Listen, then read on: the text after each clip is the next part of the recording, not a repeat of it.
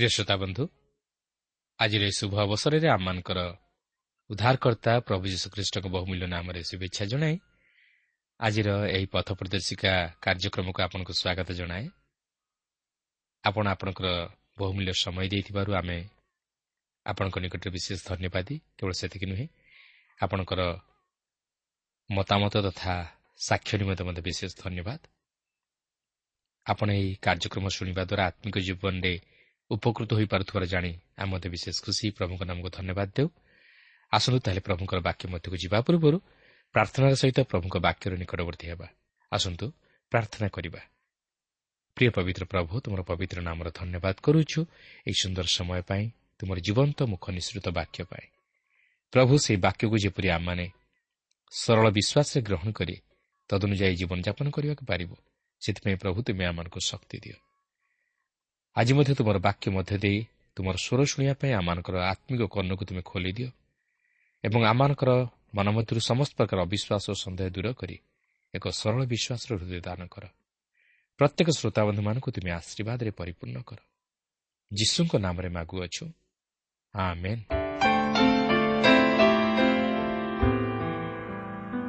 ଆସନ୍ତୁ ବର୍ତ୍ତମାନ ଆମେ ପ୍ରଭୁଙ୍କର ବାକ୍ୟ ମଧ୍ୟକୁ ଯିବା। ଆଜି ଆମେ ଦ୍ୱିତୀୟ ସାମୁଏଲ ପୁସ୍ତକର ଆଠ ପର୍ବର ପନ୍ଦର ପଦରୁ ଆରମ୍ଭ କରି ନଅ ପର୍ବର ତେର ପଦ ପର୍ଯ୍ୟନ୍ତ ଅଧ୍ୟୟନ କରିବା ନିମନ୍ତେ ଯିବା। ତେବେ ଏଠାରେ ମୁଁ ଆପଣଙ୍କୁ ସ୍ମରଣ କରାଇଦିଏ ଯେ ଆମେ ବର୍ତ୍ତମାନ ଦାଉଦଙ୍କର ରାଜତ୍ୱ ସମୟ ମଧ୍ୟରେ ରହିଅଛୁ। ଦାଉଦ ଅତି ବୀରତ୍ୱର ସହିତ ସେ ଦେଶଗୁଡ଼ିକ ଅଧିକାର କରୁଅଛନ୍ତି ଏବଂ ତାହାଙ୍କର ରାଜ୍ୟର ସୀମାକୁ ବିସ୍ତାରିତ କରିବାରେ ଲାଗିଛନ୍ତି। ତେବେ ଆଜି ମଧ୍ୟ ଆମେ ତହିଁର କ୍ରମଶଃ ଲକ୍ଷ୍ୟ କରିବା ପାଇଁ ଯିବା। ଦେଖନ୍ତୁ ଆଠ ପର୍ବର ପନ୍ଦର ପଦରୁ ଅଠର ପଦ ମଧ୍ୟରେ ଏହିପରି ଲେଖା ଅଛି ଏହି ରୂପେ ଦାଉଦ ସମୁଦାୟ ଇସ୍ରାଏଲ୍ ଉପରେ ରାଜତ୍ୱ କଲେ ପୁଣି ଦାଉଦ ଆପଣାର ସମସ୍ତ ଲୋକ ପ୍ରତି ବିଚାର ଓ ନ୍ୟାୟ କଲେ। ଆଉ ସରୁୟାର ପୁତ୍ର ଜୟାବ ସୈନ୍ୟ ଉପରେ ପ୍ରଧାନ ଥିଲା। ଅହିଲୁଦର ପୁତ୍ର ଜିହୋସାଫଟ ଇତିହାସ ଲେଖକ ଥିଲା। ପୁଣି ଅହିଟୁବର ପୁତ୍ର ସାଦୋକ ଓ ଅବିଆଥରର ପୁତ୍ର ଅହିମେଲକ ଯାଜକ ଥିଲେ। ସରାୟ ଲେଖକ ଥିଲା। ଆଉ ଜିହ ୟାଦାର ପୁତ୍ର ବନାୟ କରେଥିୟ ଓ ପଲେଥିୟମାନଙ୍କ ଉପରେ ନିଯୁକ୍ତ ଥିଲା। ପୁଣି ଦାଉଦଙ୍କର ପୁତ୍ରମାନେ ଯାଜକ ଥିଲେ। ଦେଖନ୍ତୁ ଦାଉଦ ତାହାଙ୍କର ଲୋକମାନଙ୍କ ପ୍ରତି ନ୍ୟାୟ ବିଚାର ରକ୍ଷା କରୁଥିଲେ। ସେ ବିଚାରରେ ଅନ୍ୟାୟ କିମ୍ବା କାହାରି ମୁଖାପେକ୍ଷା କରୁନଥିଲେ। ତାଙ୍କ ରାଜ୍ୟ ମଧ୍ୟ ବିସ୍ତାରିତ ହୋଇଥିଲା। ସେହି ସମୟକୁ ଦୃଷ୍ଟି ଆଗରେ ରଖି ଚିନ୍ତା କଲେ ଯାହା ଜଣାଯାଏ ଦାଉଦଙ୍କ ପରି ରାଜ୍ୟ ଜୟ କେହି କରିନଥିଲେ ଓ ଏତେ ବଡ଼ ରାଜ୍ୟର ରାଜା ତଥା ଶାସକ କେହି ନଥିଲେ। ଦେଖନ୍ତୁ ଜଣେ ସାଧାରଣ ମେଣ୍ଢା ଯୋଗାଳି ଇସ୍ରାଏଲ୍ ସନ୍ତାନଗଣର ରକ୍ଷକ ହେଲେ। ସେ ସମଗ୍ର ଇସ୍ରାଏଲ୍ ଉପରେ ଶାସନ କଲେ। ଜଣେ ମହାନ ତଥା ସୁଦକ୍ଷ ରାଜା ହେଲେ। କିନ୍ତୁ କିପରି? କ'ଣ ଅଚାନକ?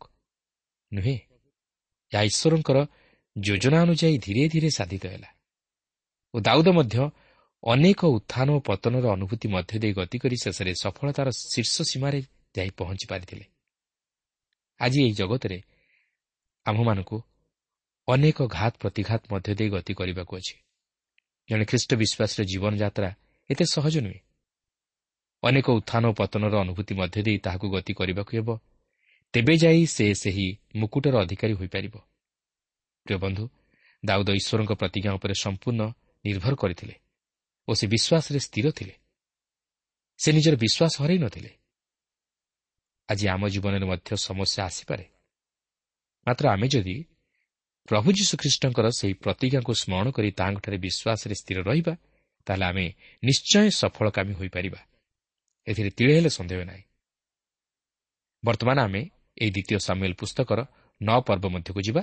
ଏହି ନଅ ପର୍ବରେ ଦେଖିବାକୁ ଯିବା ଯେ ଦାଉଦ ଜୋନାଥନର ପୁତ୍ର ମଫିବସତ ସହିତ ବନ୍ଧୁତା ସ୍ଥାପନ କଲେ। ତେବେ ଏହି ଘଟଣାଟି ପବିତ୍ର ଧର୍ମଶାସ୍ତ୍ର ମଧ୍ୟରେ ଏକ ଚମତ୍କାର ଘଟଣା। ଏହି ଘଟଣା ଦ୍ୱାରା ଆମେ ଜାଣିବାକୁ ପାରୁ ପ୍ରକୃତରେ ଦାଉଦ କେତେ ମହାନ ଥିଲେ। କିନ୍ତୁ ଅନେକ ସମୟରେ ଆମେ କେବଳ ଦାଉଦଙ୍କ ପାପ ପ୍ରତି ଦୃଷ୍ଟି ଦେଇଥାଉ। ହଁ ଏହା ସ୍ୱାଭାବିକ କଥା। କାରଣ ଧଳା ରଙ୍ଗ ଉପରେ ଛୋଟ କଳା ଦାଗଟି ଯେପରି ଅତି ସ୍ପଷ୍ଟ ଦେଖାଯାଏ ଓ ସମସ୍ତଙ୍କର ଆଖି ସେହି କଳା ଦାଗଟି ଉପରେ ପଡ଼େ ସେହିପରି ଦାଉଦଙ୍କର ସମସ୍ତ ଉତ୍ତମ କାର୍ଯ୍ୟ ମଧ୍ୟରେ ଓ ତାଙ୍କର ସେହି ସ୍ୱଚ୍ଛ ହୃଦୟ ମଧ୍ୟରେ ତାଙ୍କ ଜୀବନର ପାପ ସ୍ପଷ୍ଟ ଦୃଷ୍ଟିଗୋଚର ହୁଏ। କିନ୍ତୁ ଆମେ କେବଳ ସେହି ପାପ ଉପରେ ଦୃଷ୍ଟି ଦେବା ଉଚିତ ନୁହେଁ ମାତ୍ର ତାହାଙ୍କର ସମସ୍ତ ଉତ୍ତମ ବିଷୟ ଉପରେ ଦୃଷ୍ଟି ଦେବା ଉଚିତ ଯାହାକି ଆମମାନଙ୍କର ଆତ୍ମିକ ଜୀବନ ନିମନ୍ତେ ବିଶେଷ ସହାୟକ ହୋଇପାରିବ। କାରଣ ଆମେ କେହି ଧାର୍ମିକ ନୁହଁ। ଆମମାନଙ୍କର କିଛି ନା କିଛି ପାପ ରହିଅଛି। ଆମମାନଙ୍କର କେତେକ ଭଲ ଗୁଣ ମଧ୍ୟରେ କିଛି ମନ୍ଦ ଗୁଣ ରହିଅଛି ଓ କେତେକ ମନ୍ଦ ଗୁଣ ମଧ୍ୟରେ କିଛି ଭଲ ଗୁଣ ମଧ୍ୟ ରହିଅଛି। କିନ୍ତୁ ଆମେ ଯଦି ସେହି ଧଳା ପରଦା ମଧ୍ୟରେ କେବଳ କଳା ଦାଗଟି ପ୍ରତି ଦୃଷ୍ଟି ଦେବା ଓ କେବଳ ତାହାକୁ ନେଇ ଆଲୋଚନା ବା ସମାଲୋଚନା କରିବା ତାହେଲେ ଆମେ ଆମ ଜୀବନରେ କୌଣସି ସିଦ୍ଧାନ୍ତରେ ଉପନୀତ ହୋଇପାରିବା ନାହିଁ କି କିଛି ଶିକ୍ଷା ଗ୍ରହଣ କରିପାରିବା ନାହିଁ। କିନ୍ତୁ ଆମେ ଯଦି ସେହି କଳା ଦାଗଟିକୁ ଲିଭାଇ ଦେବା ନିମନ୍ତେ ଚେଷ୍ଟା କରିବା ଅଥବା ସେହି ଧଳା ପରଦାର ଶୁଭ୍ରତା ପ୍ରତି ଦୃଷ୍ଟି ଦେବା ତାହେଲେ ସେହି କଳା ଦାଗର ପ୍ରଭାବ ଆମର ଚିନ୍ତାଧାରାକୁ ବିଚଳିତ କରିପାରିବ ନାହିଁ। ମାତ୍ର ଅପରପକ୍ଷରେ ସେହି ଶୁଭ୍ରତା ଆଡ଼କୁ ଆମର ଚିନ୍ତାଧାରାକୁ ଓ ଦୃଷ୍ଟିକୁ ଟାଣି ନେବ ଏଠାରେ ମୁଁ ତାହା ହିଁ ଆପଣଙ୍କଠାରୁ ଆଶା କରେ। ତାହେଲେ ଆମେ ଦାଉଦଙ୍କ ଜୀବନରୁ ଅନେକ କିଛି ଉତ୍ତମ ବିଷୟମାନ ଶିକ୍ଷା କରିବାକୁ ପାରିବା। ଏହି ନ ପର୍ବରେ ଆମେ ମଫିବସତ୍ର ଜୀବନ କାହାଣୀ ଲକ୍ଷ୍ୟ କରିବାକୁ ପାରୁ। ସେ ଜୋନାଥନଙ୍କର ପୁତ୍ର ଥିଲେ ଓ ସାଉଲଙ୍କର ନାତି ଥିଲେ।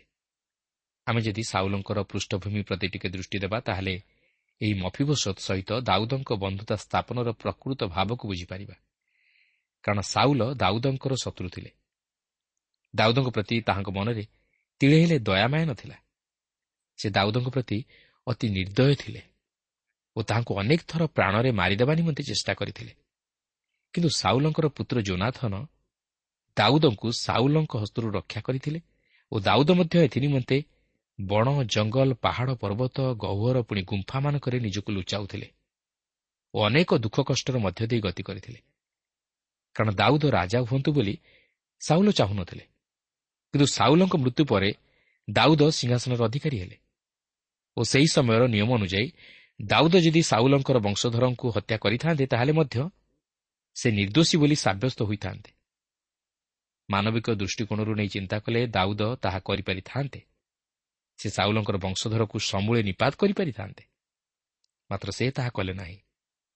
ଯେତେବେଳେ ସାଉଲ ଓ ଜୋନାଥନ ପଲିଷ୍ଟିୟମାନଙ୍କ ସହିତ ଯୁଦ୍ଧରେ ହତ ହେଲେ ସେତେବେଳେ ଜୋନାଥନର ଗୋଟିଏ ପୁତ୍ରକୁ କୌଣସି ପ୍ରକାରେ ଦାଉଦଙ୍କ ହସ୍ତରୁ ରକ୍ଷା କରିବା ନିମନ୍ତେ ତାହାକୁ ଲୁଚାଇ ଦିଆଯାଇଥିଲା।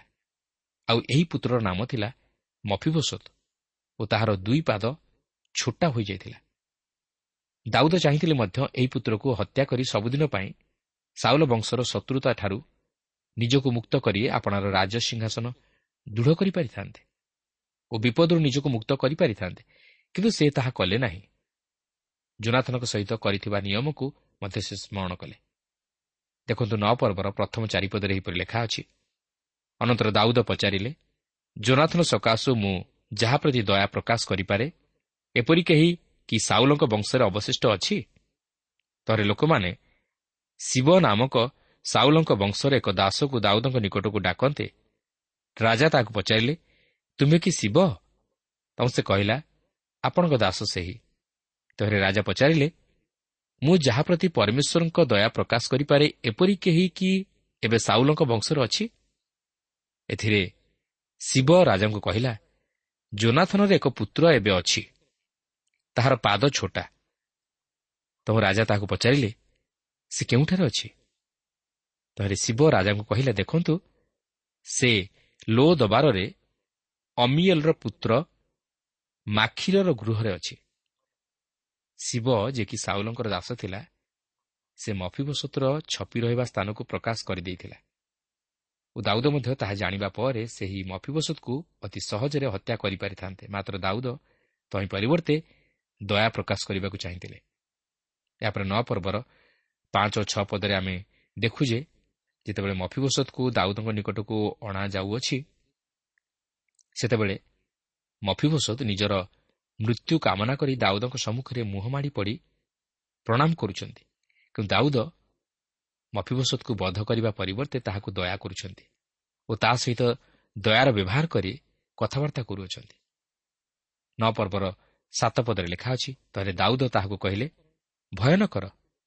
କାରଣ ମୁଁ ତୁମ୍ଭ ପିତା ଜୋନାଥନ ସକାଶୁ ଅବଶ୍ୟ ତୁମ୍ଭ ପ୍ରତି ଦୟା ପ୍ରକାଶ କରିବି ଓ ତୁମ୍ଭ ପିତାମହ ସାଉଲଙ୍କର ସମସ୍ତ ଭୂମି ତୁମ୍ଭକୁ ଫେରାଇ ଦେବି। ଓ ତୁମ୍ଭେ ନିତ୍ୟ ମୋହର ମେଜରେ ଭୋଜନ କରିବ। ଲକ୍ଷ୍ୟ କରନ୍ତୁ ମଫିବସତ ପ୍ରତି ଦାଉଦଙ୍କର ବ୍ୟବହାର। କୌଣସି ରାଜା ନିଜର ଶତ୍ରୁପକ୍ଷ ଲୋକଙ୍କୁ ଏହିପରି ଦୟା ଦେଖାଇପାରେ କି? ମାତ୍ର ଦାଉଦ ଜୋନାଥନ ସହିତ କୃତ ଆପଣା ନିୟମକୁ ସ୍ମରଣ କରି ମଫିବସତ ପ୍ରତି ଦୟା ଦେଖାଉଛନ୍ତି ଓ ସେ ତାହାଙ୍କୁ ସାଉଲଙ୍କର ଅଧିକାରରେ ସ୍ଥିତ ସମସ୍ତ ଭୂମି ମଧ୍ୟ ଫେରାଇ ଦେଉଛନ୍ତି। କେବଳ ସେତିକି ନୁହେଁ ସେ ମଫିବସତକୁ ମଧ୍ୟ ତାହାଙ୍କର ମେଜରେ ବସି ଭୋଜନ କରିବା ନିମନ୍ତେ ଅନୁମତି ଦେଉଛନ୍ତି। ଏହାଠାରୁ ଭଳି ସୌଭାଗ୍ୟର ବିଷୟ ଆଉ କ'ଣ ଥାଇପାରେ? ରାଜାଙ୍କ ସହିତ ବସି ତାହାଙ୍କ ମେଜରେ ଭୋଜନ କରିବା କ'ଣ ସାଧାରଣ ବିଷୟ? ମାତ୍ର ମଫିବସତ ସେହି ସୌଭାଗ୍ୟର ଅଧିକାରୀ ହୋଇଥିଲେ। ଏଥିରୁ ଜଣାଯାଏ ଯେ ଦାଉଦ ମଫିବସତକୁ ନିଜର ପୁତ୍ର ସ୍ୱରୂପେ ଦେଖିଲେ ଓ ତାହାକୁ ନିଜ ପୁତ୍ରର ସମ୍ମାନ ମଧ୍ୟ ଦେଲେ। ନଅ ପର୍ବର ଆଠ ପଦରେ ଆମେ ଦେଖୁ ଯେ ମଫିବସତର ମନର ପ୍ରତିକ୍ରିୟା ସେ ନିଜକୁ ମଲ୍ଲା କୁକୁର ସହିତ ତୁଳନା କରୁଛି। ଅର୍ଥାତ୍ ସେ ଯେ ରାଜାଙ୍କ ନିକଟରେ ଛିଡ଼ା ହେବାକୁ ଓ ତାହାଙ୍କର ମେଜରେ ବସି ଭୋଜନ କରିବାକୁ ଯୋଗ୍ୟ ନୁହେଁ ତାହା ସେ ଏତଦ୍ୱାରା ପ୍ରକାଶ କରୁଅଛି। ମାତ୍ର ଦାଉଦ ତାହାଙ୍କୁ ସେପରି ଭାବନ୍ତି ନାହିଁ କି କହନ୍ତି ନାହିଁ। ସେ ତାହାଙ୍କୁ ମଫିବସତ ବୋଲି ଡାକନ୍ତି ଓ ତାହାଙ୍କ ପ୍ରତି ଦୟା ଦେଖାଉଛନ୍ତି। ଏହାପରେ ଆଠ ପର୍ବର ନଅ ଓ ଦଶ ପଦରେ ଆମେ ଦେଖୁ ଯେ ଦାଉଦ ମଫିବସତକୁ ତାହାଙ୍କ ସାନ୍ତ ବାପାଙ୍କର ସମସ୍ତ ଭୂମି ଫେରାଇ ଦେଲେ ଓ ତାହା ଯେପରି ମଫିବସତର ଅଧିକାର ମଧ୍ୟରେ ରହେ ଏଥିନିମନ୍ତେ ସେହି ସମସ୍ତ ଭୂମି ଚାଷ କରିବା ପାଇଁ ସେ ସାଉଲଙ୍କର ଦାସ ସେବ ଓ ତାହାର ପୁତ୍ରମାନଙ୍କୁ ଓ ତାହାର ଦାସମାନଙ୍କୁ ଆଦେଶ ଦେଲେ। ମାତ୍ର ମଫିବସତକୁ ତାହାଙ୍କର ମେଜରେ ବସି ଭୋଜନ କରିବା ନିମନ୍ତେ ଅନୁମତି ଦେଲେ। ଏହାପରେ ନଅ ପର୍ବର ଏଗାରରୁ ତେର ପଦ ମଧ୍ୟରେ ଆମେ ଦେଖୁ ଯେ ପ୍ରକୃତରେ ମଫିବସତ ନିମନ୍ତେ ଦାଉଦ ଯେଉଁ ସବୁ ବିଷୟ ସାଧନ କଲେ ତାହା ଅତି ଚମତ୍କାର କିନ୍ତୁ ଏଠାରେ ଆମକୁ କେତେକ ମହାନ ଆତ୍ମିକ ଶିକ୍ଷା ମିଳେ ଯାହାକି ମୁଁ ଆପଣଙ୍କୁ ଅବଗତ କରାଇଦେବାକୁ ଚାହେଁ ପ୍ରଥମତଃ ଜଣେ ଈଶ୍ୱରଙ୍କ ସନ୍ତାନ ନିଜକୁ ଈଶ୍ୱରଙ୍କ ସମ୍ମୁଖରେ ଆତ୍ମିକ ଜୀବନରେ ଜଣେ ଖଞ୍ଜ ବା ପଙ୍ଗୁ ବୋଲି ଜାଣିବା ଉଚିତ କାରଣ ଆମେ ପ୍ରତ୍ୟେକ ଆତ୍ମିକ ଜୀବନରେ ଖଞ୍ଜ ଯେହେତୁ ଆମମାନଙ୍କର ପାଦ ବିକ୍ଷେପ ସ୍ଥିର ନୁହେଁ। ରୋମିଓ ତିନି ପର୍ବର ପନ୍ଦର ଓ ଷୋହଳ ପଦରେ ଲେଖା ଅଛି ସେମାନଙ୍କ ପାଦ ରକ୍ତପାତ କରିବାକୁ ଦ୍ରୁତଗାମୀ ସେମାନଙ୍କ ପଥରେ ବିନାଶ ଓ କ୍ଲେଶ। ଏପରିକି ଜିସାୟ ତେପନ ପର୍ବର ଛଅ ପଦରେ ଲେଖା ଅଛି ଆମ୍ଭେମାନେ ସମସ୍ତେ ମେଷଗଣ ତୁଲ୍ୟ ବିପଦଗାମୀ ହୋଇଅଛୁ। ଆମ୍ଭେମାନେ ପ୍ରତ୍ୟେକ ଆପଣା ଆପଣା ବାଟ ଆଡ଼େ ଫେରିଅଛୁ। ଆଉ ସଦାପ୍ରଭୁ ଆମ୍ଭ ସମସ୍ତଙ୍କର ଅପରାଧ ତାହାଙ୍କ ଉପରେ ବର୍ତ୍ତାଇ ଅଛନ୍ତି। ପ୍ରିୟ ବନ୍ଧୁ ବାସ୍ତବରେ ଆଜି ଆମମାନେ ଆତ୍ମିକ ଜୀବନରେ ପଙ୍ଗୁ ହୋଇଯାଇଛୁ ଆମ୍ଭେମାନେ ଆଗେଇ ପାରୁନା। ଯେହେତୁ ଆମମାନଙ୍କର ଚିନ୍ତାଧାରା ଓ କାର୍ଯ୍ୟକଳାପ ଆମ୍ଭମାନଙ୍କୁ ଈଶ୍ୱରଙ୍କଠାରୁ ଦୂରକୁ ନେଇଯାଏ। ଆମମାନଙ୍କର ଅବିଶ୍ୱାସ ତଥା ସନ୍ଦେହ ଆଜି ଆମମାନଙ୍କୁ ଆତ୍ମିକ ଜୀବନରେ ଖଞ୍ଜ କରିଦେଇଛି। ଈଶ୍ୱର ତାହା ମଧ୍ୟ ଜାଣନ୍ତି। ଓ ସେ ତଥାପି ଆମମାନଙ୍କ ପ୍ରତି ତାହାଙ୍କର ଦୟା ଓ ଅନୁଗ୍ରହ ପ୍ରକାଶ କରିଅଛନ୍ତି ଓ ସେ ଆମମାନଙ୍କ ସହିତ ସହଭାଗିତା ସ୍ଥାପନ କରିବାକୁ ଚାହାନ୍ତି। ମାତ୍ର ସେ ଚାହାନ୍ତି ଆମେ ଯେପରି ନିଜର ଦୁର୍ବଳତାକୁ ଜାଣିବା ସଙ୍ଗେ ସଙ୍ଗେ ତାହା ତାହାଙ୍କ ନିକଟରେ ସ୍ୱୀକାର କରୁ। ଦ୍ୱିତୀୟରେ ଆମେ ଦେଖୁ ଜୋନାଥନଙ୍କ ହେତୁ ଦାଉଦ ମଫିବସତ ପ୍ରତି ତାହାଙ୍କର ମହାଦୟା ଓ ଅନୁଗ୍ରହ ପ୍ରଦାନ କରନ୍ତି। ଦେଖନ୍ତୁ ଦାଉଦ ମଫିବସତ ବିଷୟ ନେଇ କିଛି ଜାଣିନଥିଲେ। ସେ ଜୋନାଥନକୁ ପ୍ରେମ କରୁଥିବାରୁ ଜୋନାଥନଙ୍କ ସକାଶେ ଏହି ବାଳକ ପ୍ରତି ଦୟା ଦେଖାଇଲେ। ଯେତେବେଳେ ସେ ମଫିବସତ ପ୍ରତି ଦୃଷ୍ଟିପାତ କଲେ ସେ ମଫିବସତର ଖଞ୍ଜତାକୁ ଦେଖିଲେ ନାହିଁ। ମାତ୍ର ସେ ଜୋନାଥନଙ୍କୁ ଦେଖିଲେ। ସେ ଜୋନାଥନଙ୍କ ହେତୁ ଏହି ଅସହାୟ ବାଳକ ପ୍ରତି ତାହାଙ୍କର ଅସୀମ ଦୟା ଅନୁଗ୍ରହ ତଥା ଅନୁକମ୍ପାର ହସ୍ତ ବଢ଼ାଇଲେ। ଆମେ ଜାଣୁ ଦାଉଦ ଓ ଜୋନାଥନ ପରସ୍ପରକୁ କେତେ ଦୂର ଭଲ ପାଉଥିଲେ। ସେହିପରି ପ୍ରିୟ ବନ୍ଧୁ ଈଶ୍ୱର ପ୍ରଭୁ ଯୀଶୁଖ୍ରୀଷ୍ଟଙ୍କ ମାଧ୍ୟମରେ ଆମମାନଙ୍କ ପ୍ରତି ତାହାଙ୍କର ଅସୀମ ଦୟା ଓ ଅନୁଗ୍ରହ ପ୍ରକାଶ କରିଅଛନ୍ତି। ଯେପରି ଆମେ ନିଜର ଧର୍ମକର୍ମ ହେତୁ ନୁହେଁ ମାତ୍ର ଖ୍ରୀଷ୍ଟଙ୍କଠାରେ ବିଶ୍ୱାସ କରିବା ହେତୁ ତାହାଙ୍କ ଧାର୍ମିକତା ଦ୍ୱାରା ଧାର୍ମିକ ବୋଲି ଗଣିତ ହୋଇପାରିବା ଓ ଈଶ୍ୱରଙ୍କ ସହିତ ସହଭାଗିତା ସ୍ଥାପନ କରିପାରିବା। ଈଶ୍ୱର ଖ୍ରୀଷ୍ଟଙ୍କ ହେତୁ ଆମମାନଙ୍କୁ ଉଦ୍ଧାର କରନ୍ତି। ତୃତୀୟରେ ଆମେ ଦେଖୁ ଦାଉଦ ମଫିବସତର ଖଞ୍ଜ ବିଷୟ ନେଇ କିଛି କହନ୍ତି ନାହିଁ। ବରଞ୍ଚ ସେ ତାହାଙ୍କୁ ତାହାଙ୍କର ପୁତ୍ର ପରି ସ୍ନେହ କରି ତାହାକୁ ଗ୍ରହଣ କଲେ। ସେ ରାଜାଙ୍କର ମେଜରେ ବସି ଭୋଜନ କଲେ ଓ ତାହାଙ୍କର ପାଦ ଶୁଭ୍ର ବସ୍ତ୍ରରେ ଆବୃତ ହୋଇଥିଲା। ପ୍ରିୟ ବନ୍ଧୁ ଯେତେବେଳେ ଆମେ ଖ୍ରୀଷ୍ଟଙ୍କଠାରେ ନିଜର ପାପ ସ୍ୱୀକାର କରି ତାହାଙ୍କୁ ନିଜ ହୃଦୟରେ ଉଦ୍ଧାରକର୍ତ୍ତା ରୂପେ ଗ୍ରହଣ କରୁ ସେତେବେଳେ ଖ୍ରୀଷ୍ଟଙ୍କର ସେହି ପାତିତ ପବିତ୍ର ରକ୍ତ ହେତୁ ଈଶ୍ୱର ଆମମାନଙ୍କର ପାପକୁ ଆଉ ଗଣନା କରନ୍ତି ନାହିଁ। ସେ ସେହିସବୁକୁ ମନରେ ଆଉ ଧରନ୍ତି ନାହିଁ। ସେଥିପାଇଁ ଏଭ୍ରି ଦଶ ପର୍ବର ସତର ପଦରେ ଲେଖା ଅଛି ସେମାନଙ୍କ ପାପ ଓ ସେମାନଙ୍କ ଅପରାଧ ସବୁ ଆମ୍ଭେ ଆଉ ସ୍ମରଣ କରିବା ନାହିଁ। ପ୍ରିୟ ବନ୍ଧୁ ଆଜି ଯଦି ଆପଣ ନିଜକୁ ଆତ୍ମିକ ଜୀବନରେ ଖଞ୍ଜ ବୋଲି ବିଚାର କରୁଅଛନ୍ତି ତାହେଲେ ପ୍ରଭୁ ଯୀଶୁଖ୍ରୀଷ୍ଟଙ୍କ ପ୍ରତି ଫେରନ୍ତୁ ଓ ତାହାଙ୍କ ନିକଟରେ ନିଜର ସମସ୍ତ ପାପ ଓ ଦୋଷ ଦୁର୍ବଳତାକୁ ସ୍ୱୀକାର କରନ୍ତୁ। ତାହେଲେ ସେ ଆପଣଙ୍କୁ ଆତ୍ମିକ ଜୀବନରେ ଚାଲିବା ନିମନ୍ତେ ଶକ୍ତି ଦେବେ। ପ୍ରଭୁ ଯୀଶୁଖ୍ରୀଷ୍ଟ ସେହି ପକ୍ଷାଘାତ ରୋଗୀ କି ଯାହାକୁ କେତେଜଣ ଲୋକ ଖଟିଆରେ ବୋହି ଆଣି ଛାତ ଉପରୁ ତଳକୁ ଖସାଇ ଦେଇଥିଲେ ତାହାକୁ କହନ୍ତି ବଶ୍ଚ ସାହସ ଧର। ତୁମ୍ଭର ପାପ ସବୁ କ୍ଷମା କରାଗଲା। ଉଠ ନିଜ ଖଟିଆ ଖେନି ଆପଣା ଘରକୁ ଚାଲିଯାଅ। ସେଥିରେ ସେ ଉଠି ଆପଣା ଘରକୁ ଚାଲିଗଲା। ପ୍ରିୟ ବନ୍ଧୁ ଆଜି ଆମମାନଙ୍କର ପାପ କେବଳ ଆମମାନଙ୍କୁ ଶାରୀରିକ ଜୀବନରେ ନୁହେଁ ମାତ୍ର ଆତ୍ମିକ ଜୀବନରେ ପଙ୍ଗୁ କରିଦେଇଥାଏ। ଫଳତଃ ଆମେ ଆତ୍ମିକ ଜୀବନରେ ଅଗ୍ରସର ହୋଇପାରିନଥାଉ। ପ୍ରିୟ ବନ୍ଧୁ ଯଦି ଆମେ ଆତ୍ମିକ ଜୀବନରେ ପଙ୍ଗୁ ତାହେଲେ ଖ୍ରୀଷ୍ଟଙ୍କ ନିକଟବର୍ତ୍ତୀ ହେଉ ଓ ତାହାଙ୍କଠାରୁ ସାହାଯ୍ୟ ଭିକ୍ଷା କରୁ। ସେଥିପାଇଁ ପ୍ରେରିତ ପାଉଲ ଏଫିସି ଚାରି ପର୍ବର ପ୍ରଥମ ଦୁଇ ପଦରେ ଏହିପରି ଉଲ୍ଲେଖ କରନ୍ତି ଅତଏବ ପ୍ରଭୁଙ୍କ ହେତୁ ବନ୍ଦୀ ଯେ ମୁଁ ମୁଁ ତୁମମାନଙ୍କୁ ଅନୁରୋଧ କରୁଅଛି ତୁମେମାନେ ଯେଉଁ ଆହ୍ୱାନରେ ଆହୁତ ହୋଇଅଛ ସେଥିର ଯୋଗ୍ୟ ଆଚରଣ କର। ଅର୍ଥାତ୍ ସର୍ବପ୍ରକାର ନମ୍ରତା ମୃଦୁତା ଓ ଦୀର୍ଘ ସହିଷ୍ଣୁତା ସହ ପ୍ରେମରେ ପରସ୍ପର ପ୍ରତି ସହନଶୀଳ ହୁଅ। ପ୍ରିୟ ବନ୍ଧୁ ପ୍ରଭୁ ଯୀଶୁ ଆଜି ମଧ୍ୟ ଆମମାନଙ୍କୁ ଆହ୍ୱାନ କରି କହନ୍ତି ହେ ପରିଶ୍ରାନ୍ତ ଭାରଗ୍ରସ୍ତ ଲୋକ ସମସ୍ତେ ମୋ ନିକଟକୁ ଆସ। ଆଉ ମୁଁ ତୁମମାନଙ୍କୁ ବିଶ୍ରାମ ଦେବି। ଯେ କେହି ତୃଷିତ ସେ ମୋ ନିକଟକୁ ଆସି ପାନ କରୁ। ବାସ୍ତବରେ ଏହି ପର୍ବରେ ଈଶ୍ୱରଙ୍କର ସେହି ଅତୁଳନୀୟ ପ୍ରେମ ଅତି ଚମତ୍କାର ଭାବେ ପ୍ରକାଶିତ ହୋଇଅଛି। କିନ୍ତୁ ଆଜି କ'ଣ ଆମେ ଖ୍ରୀଷ୍ଟଙ୍କର ଡାକରାକୁ କର୍ଣ୍ଣ ଡେରିଛୁ କି ଆଜି କ'ଣ ଆମେ ନିଜର ପାପ ଓ ଦୁର୍ବଳତା ସବୁକୁ ଜାଣି ତାହା ଖ୍ରୀଷ୍ଟଙ୍କଠାରେ ସ୍ୱୀକାର କରିଛୁ କି ଯଦି ନାହିଁ ତାହେଲେ ଆଜି ମଧ୍ୟ ସମୟ ଅଛି। ପ୍ରଭୁ ଯୀଶୁ ଆଜି ମଧ୍ୟ ଆପଣଙ୍କୁ ଓ ମୋତେ ପ୍ରେମ କରନ୍ତି। ଓ ସେ ଆଜି ମଧ୍ୟ ଆମମାନଙ୍କୁ ତହି ନିମନ୍ତେ ସୁଯୋଗ ଦିଅନ୍ତି। ଯଦି ଆମେ ଏହି ସୁଯୋଗର ସଦ୍ବ୍ୟବହାର ନ କରୁ ତାହେଲେ ଆମେ କେବେ ହେଲେ ପାପରୁ ଉଦ୍ଧାରପ୍ରାପ୍ତ ହୋଇପାରିବା ନାହିଁ। ପ୍ରିୟ ବନ୍ଧୁ ଆଜି ହେଉଛି ଅନୁଗ୍ରହର ସମୟ। ପ୍ରଭୁ ଯୀଶୁ ଆଜି ଆମମାନଙ୍କର ଯଦିଓ ପାପମୟ ଜୀବନକୁ ଦେଖନ୍ତି ଯଦିଓ ସେ ପାପକୁ ଘୃଣା କରନ୍ତି ମାତ୍ର ସେ ଆମମାନଙ୍କୁ ପ୍ରେମ କରନ୍ତି। ମନୁଷ୍ୟ ମାତ୍ରକେ ଆମମାନେ ପାପି। ଆଉ ସେ ତାହା ଜାଣନ୍ତି। ମାତ୍ର ସେ ଆମମାନଙ୍କ ପ୍ରତି ତାହାଙ୍କର ସେ ଉଦ୍ଧାରର ହସ୍ତ ବଢ଼ାଇ ଅଛନ୍ତି ଆମମାନଙ୍କୁ ଉଦ୍ଧାର କରିବା ପାଇଁ। ସେ ଆଜି ମଧ୍ୟ ଆପଣଙ୍କୁ ମୋତେ ନିରୀକ୍ଷଣ କରୁଅଛନ୍ତି। ସେ ଆଜି ମଧ୍ୟ ଆପଣଙ୍କର ଓ ମୋର ହୃଦୟକୁ ଦେଖୁଅଛନ୍ତି।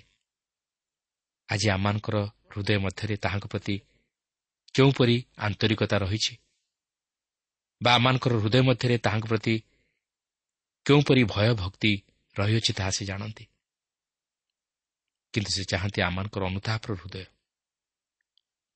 ତାହେଲେ ସେ ସେହି ହୃଦୟକୁ ନେଇ ଧୋଇ ପରିଷ୍କାର କରି ପବିତ୍ର କରି ସୂଚି କରି ଆମମାନଙ୍କୁ ତାହାଙ୍କର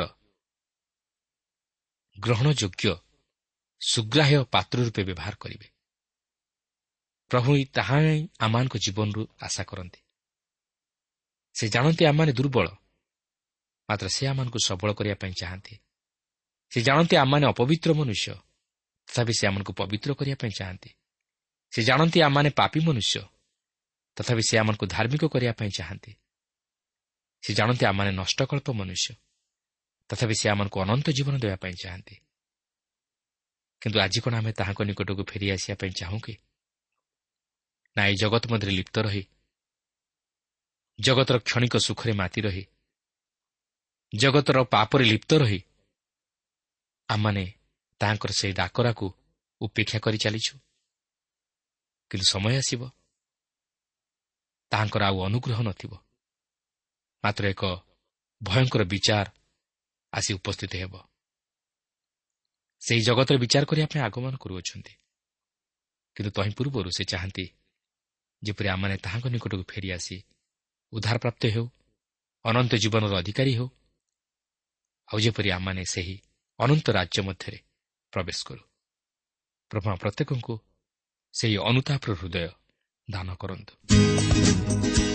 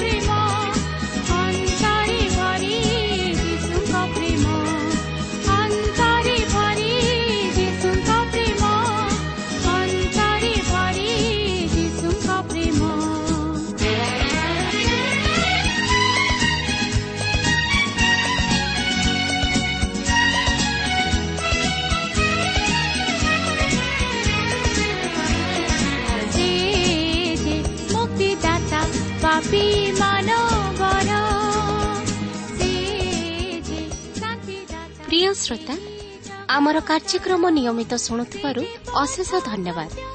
ଆପଣ ଏହି କାର୍ଯ୍ୟକ୍ରମ ଶୁଣିବା ଦ୍ୱାରା ଆତ୍ମିକ ଜୀବନରେ ଉପକୃତ ହୋଇପାରିଥିବେ ବୋଲି ଆମର ବିଶ୍ୱାସ। ପ୍ରଭୁ ଯୀଶୁଙ୍କ ବିଷୟରେ ଅଧିକ ଜାଣିବାର ଆଗ୍ରହ ଥିଲେ ଅଥବା ଉପାଦେୟ ପୁସ୍ତକର ଆବଶ୍ୟକ ଥିଲେ ଆମ ସହ ଯୋଗାଯୋଗ କରନ୍ତୁ। ଆମର ଠିକଣା ପଥ ପ୍ରଦର୍ଶିକା Trans World radio India post box number ତିନି ତିନି ଭୁବନେଶ୍ୱର ସାତ ପାଞ୍ଚ ଏକ ଶୂନ ଶୂନ ଏକ। Mobile number nine seven double seven double two one four one five ଠିକଣାଟି ଆଉଥରେ ଶୁଣନ୍ତୁ। ପଥ ପ୍ରଦର୍ଶିକା Trans World radio India post box number three three Bhubaneswar seven five one zero zero one mobile number nine seven double seven double two one four one five ଆମର email ଆଡ୍ରେସଟି ଲେଖି ରଖନ୍ତୁ Odia TTV at radio eight eight two dot com ତେବେ ଆଜି ପାଇଁ ବିଦାୟ ଦିଅନ୍ତୁ। ନମସ୍କାର। ଲହଡ଼ି ହସର ଆସିଥା